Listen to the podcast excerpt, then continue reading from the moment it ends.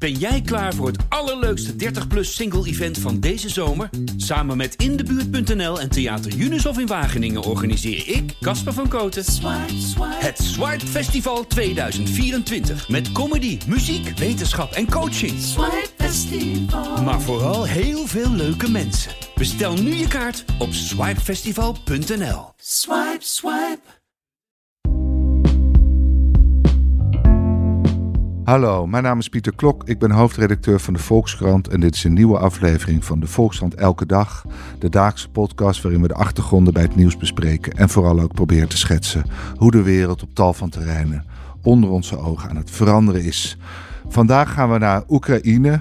We gaan naar Tom Venning, die reist daar al geruime tijd rond. Uh, welkom Tom. Dankjewel. Je bent al heel vaak te gast geweest in de podcast, maar voor wie je nog niet kent, je was jarenlang correspondent in Moskou en houdt eigenlijk sinds het begin van de oorlog, volg je de oorlog op de voet. Je bent er vaak geweest, uh, je bent er nu ook weer. Waar ben je nu precies? Ik sta nu langs de kant van de weg tussen de Donbass en Kiev. Ben samen met fotograaf Daniel Roosentaal ongeveer een week, kleine week in de Donbass geweest.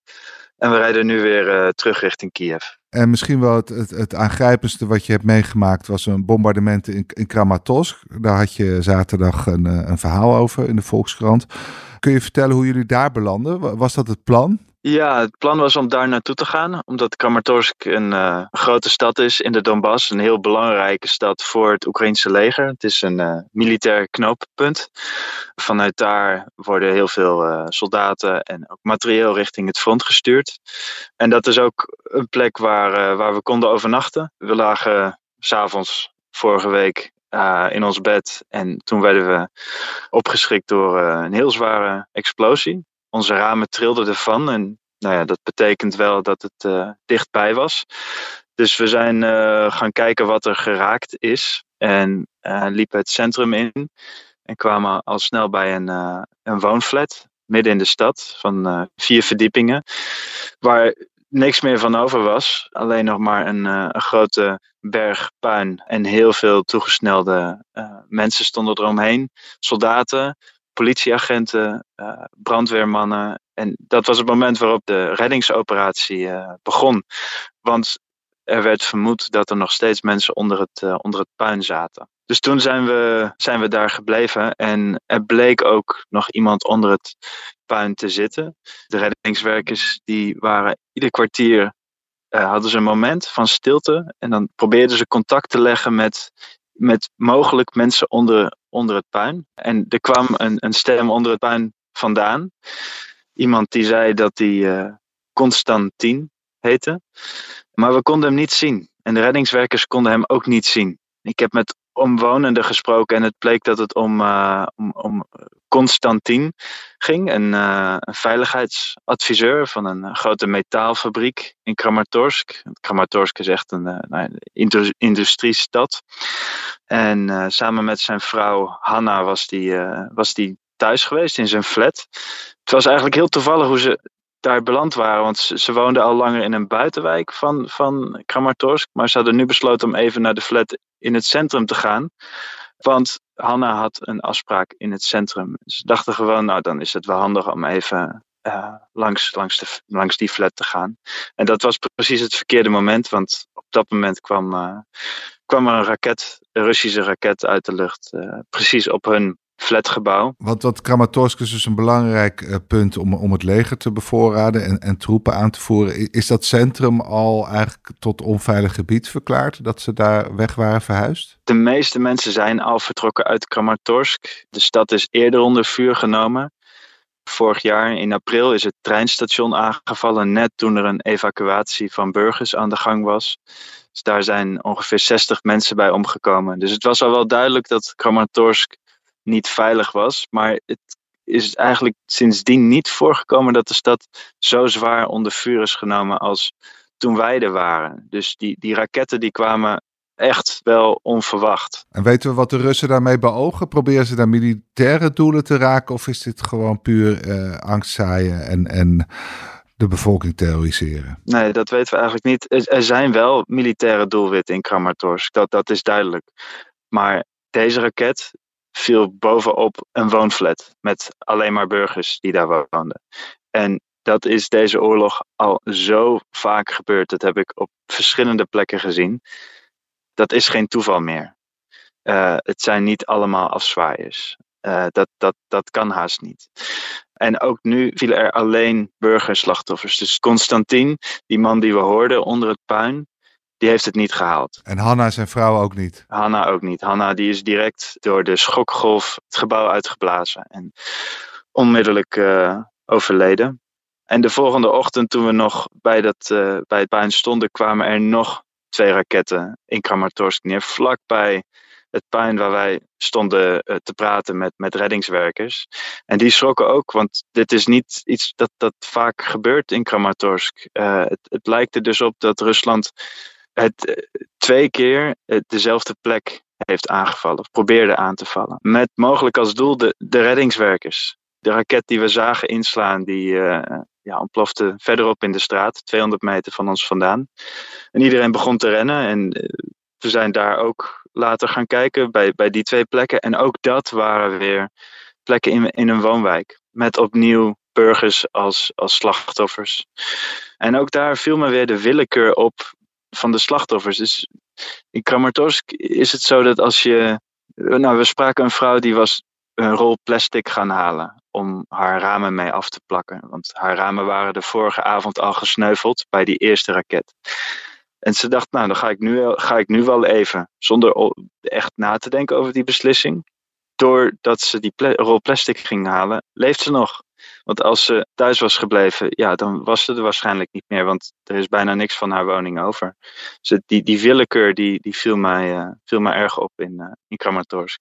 Tom, dit was denk ik, de, de, je hebt nog nooit een bomaanslag of, of een bominslag van zo dichtbij meegemaakt. Hoe, hoe, hoe zou je het omschrijven? Je stond dan op 200 meter afstand. Hoe, hoe voelt dat? Ik heb er wel veel op televisie gezien of op internet.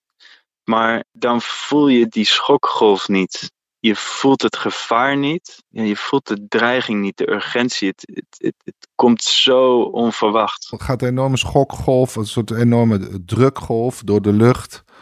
En die voel je ook op 200 meter nog heel sterk. Ja, ja, ja. Die voel je door je hele lichaam. Je kan erdoor uit balans raken. Er komt zoveel kracht bij zo'n explosie vrij. En de, de vlam die ik voor me zag, het was tien, tientallen meters hoog van, van de inslaande raketten. Het is echt verwoestend. Er zijn dus, ik, heb dus, ik was in de buurt van drie raketten die uh, ontploft zijn en meer dan 500 woningen zijn beschadigd. Eén flatgebouw is dus helemaal weg. Daar is niets meer van over. Het is echt verpletterend, zo'n zo'n raket. En wat weten we nu van de, de, de, de, de aantal slachtoffers in totaal van al deze aanslagen? Bij deze drie raketten zijn uh, zeker vier mensen omgekomen. En toen wij Kramatorsk verlieten, lagen er ook nog mensen in het ziekenhuis, van wie sommigen in uh, ernstige toestand. Dus ja, het, het, het, is waarschijnlijk dat het slachtofferaantal nog oploopt. Dom, op deze reis heb je geprobeerd zo dicht mogelijk bij het front te komen. Als een, het is natuurlijk nooit veilig, maar, maar in een, met enige mate van veiligheid. Wat, wat heb je allemaal gezien terwijl je langs het front reisde? Ik heb gezien dat Oekraïne in de verdediging zit. Dat is heel duidelijk. Dat werd eigenlijk direct al duidelijk in Kramatorsk. Die aanvallen die ik net beschreef, die, die zijn niet normaal. Die gebeurden de afgelopen maanden niet. En die verheviging van het geweld hebben we ook op andere plekken gezien. We wilden eigenlijk kijken of we naar Bakhmut zouden kunnen. Het stadje dat al heel lang onder vuur ligt van, door het Russische leger. Maar dat werd ons uh, afgeraden door het Oekraïnse leger. Uh, terwijl dat een tijdje geleden nog wel kon, kan dat nu niet meer, zegt het leger. Het is te gevaarlijk geworden, want er zijn twee toegangswegen naar Bakhmut. Eentje is eigenlijk al niet meer begaanbaar. En die andere ligt nu ook onder vuur van het Russische leger. Toen wij er waren, zijn er ook hulpverleners zwaar gewond geraakt op die weg toen hebben wij ook besloten om, uh, om dat niet te proberen. Dus Bagmoed is, ja, vonden we te gevaarlijk. We zijn wel op andere plekken gaan kijken. En ook daar spraken we mensen die, ja, die bang zijn dat, dat, dat Rusland gaat oprukken. De afgelopen maanden was het hè, Oekraïne dat veel terrein terugwon. En misschien wel het Russische leger uit de hele Donbass zou gaan verdrijven. Maar op dit moment is daar absoluut geen sprake van. Is, zit Oekraïne echt in de verdediging. Maar hoe ziet die intensivering eh, van Russische zijde eruit? Is dat veel meer artillerievuur of proberen ze ook op te rukken? Er wordt natuurlijk vaak gesproken over die Wagner-huurlingen, wat vaak ex-gevangenen zijn die dan uh, ja, zo'n soort uh, kanonnenvoer worden ingezet en, en op de loopgraven af moeten lopen. Hoe, hoe, hoe voelt die Russische druk? Ik heb vooral de verheviging van het artillerievuur gemerkt. Gisteren waren we, uh, waren Daniel en ik op stap met een, um, een vrijwilligersbrigade. Zij uh, hebben een ambulance en rijden tussen het leger en ziekenhuizen. Ze brengen dus gewonden van het front naar het ziekenhuis. In het dorpje waar zij hun basis hebben, hoorden we verschillende uh, mortiergranaten neerkomen, vlak bij ons. Dat was uh, een teken, zeiden de vrijwilligers die daar dus al heel lang zitten, dat de artilleriegevechten verhevigen. Maar dichter aan het front wordt ook zwaarder gevochten uh, op kleinere afstand. Dus dan bedoel ik militairen die op elkaar schieten, dus infanteriegevechten. Die, die zijn ook heviger aan het worden. Die groep met wie we waren, die kregen ook telefoontjes van, uh, van de, de legereenheid met wie ze in contact waren. En kregen ochtends door, er zijn drie gewonden. Dus ze wilden die kant op gaan. Maar heel snel kregen ze het telefoontje dat uh, het geen drie gewonden meer waren, maar uh, alle drie gewonden overleden waren. Dus het, het aantal slachtoffers aan de Oekraïnse kant is, uh, is heel hoog op dit moment. Dus ze zoeken elkaar steeds meer op, die, die legers. Dus, dus er was een tijd dat het vooral artillerie gevecht was. Dat ze op grote afstand elkaar bestookten. Maar ze gaan nu ook ze zoeken steeds meer directe confrontatie. En er vallen nog veel meer doden. Het lijkt erop dat het Russische leger op dit moment de confrontatie zoekt. En bezig is met een offensief. Dat zegt Zelensky. Zelensky zei vorige week dat hij denkt dat, het, dat een grote wraakactie van Rusland is begonnen.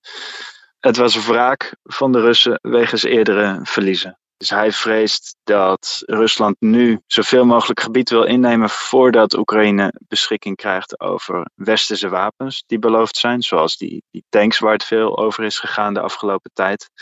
Dat zou heel goed kunnen. De tekenen die wij hebben gezien, die wijzen daar wel op, ja.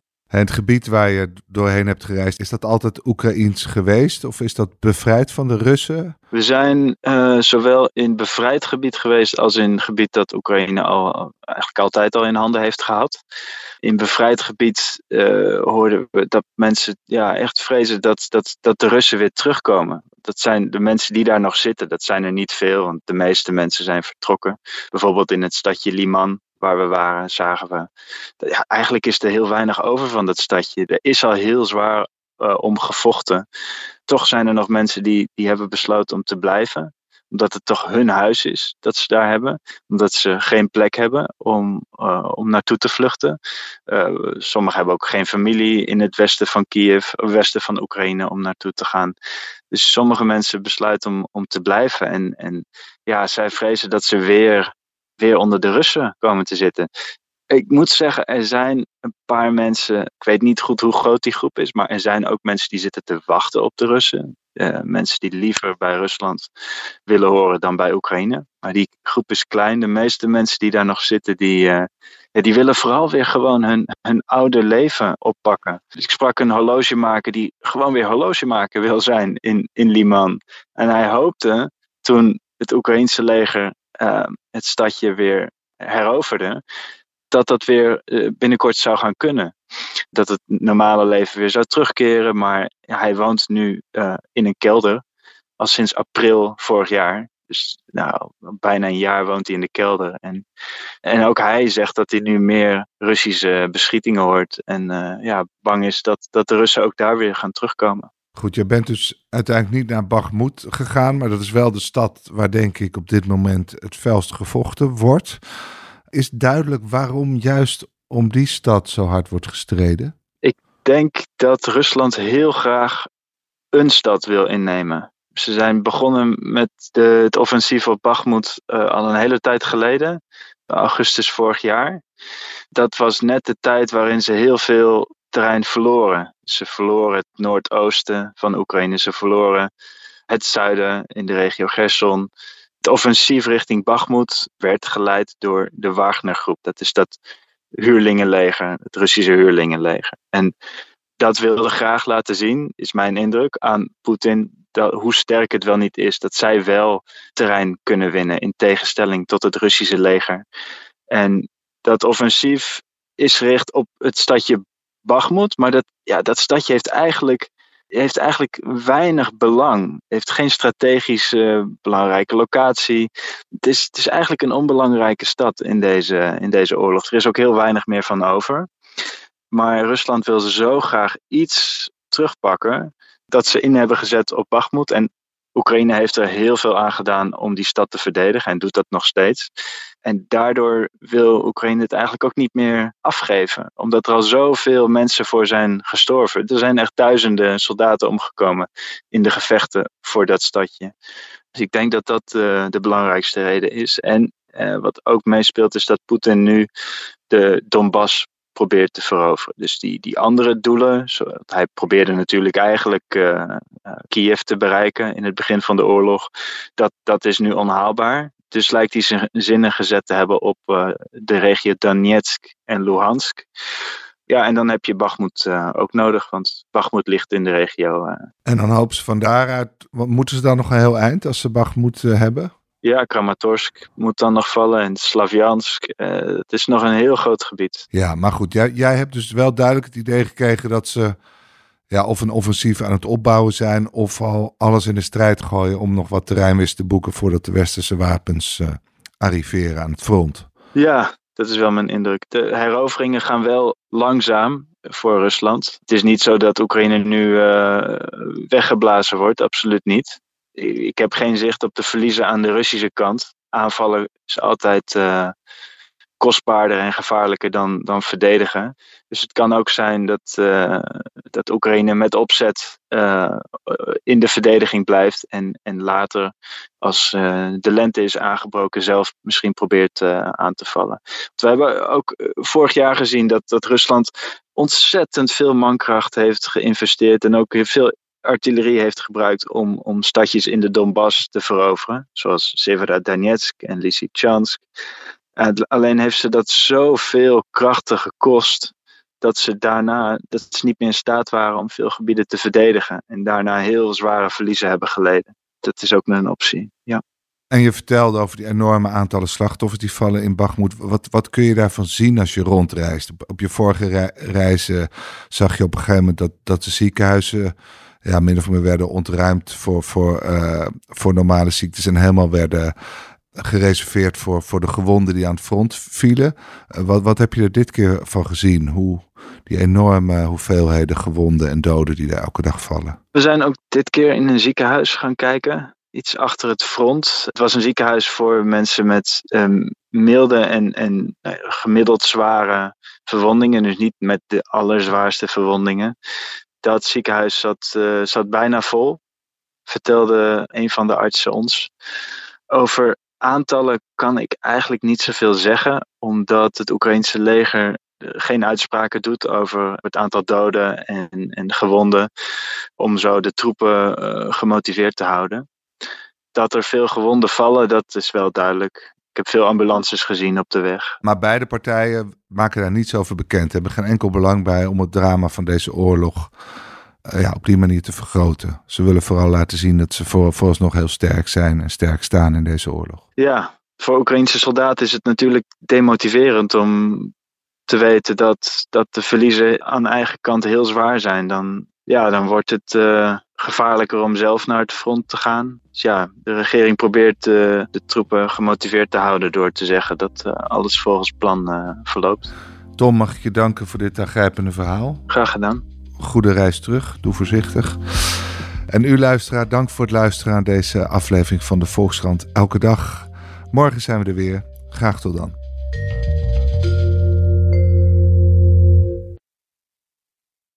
Ben jij klaar voor het allerleukste 30-plus single-event van deze zomer? Samen met Indebuurt.nl en Theater Junushof in Wageningen organiseer ik, Casper van Koten, het Swipe Festival 2024. Met comedy, muziek, wetenschap en coaching. Swipe Festival. Maar vooral heel veel leuke mensen. Bestel nu je kaart op swipefestival.nl. Swipe, swipe.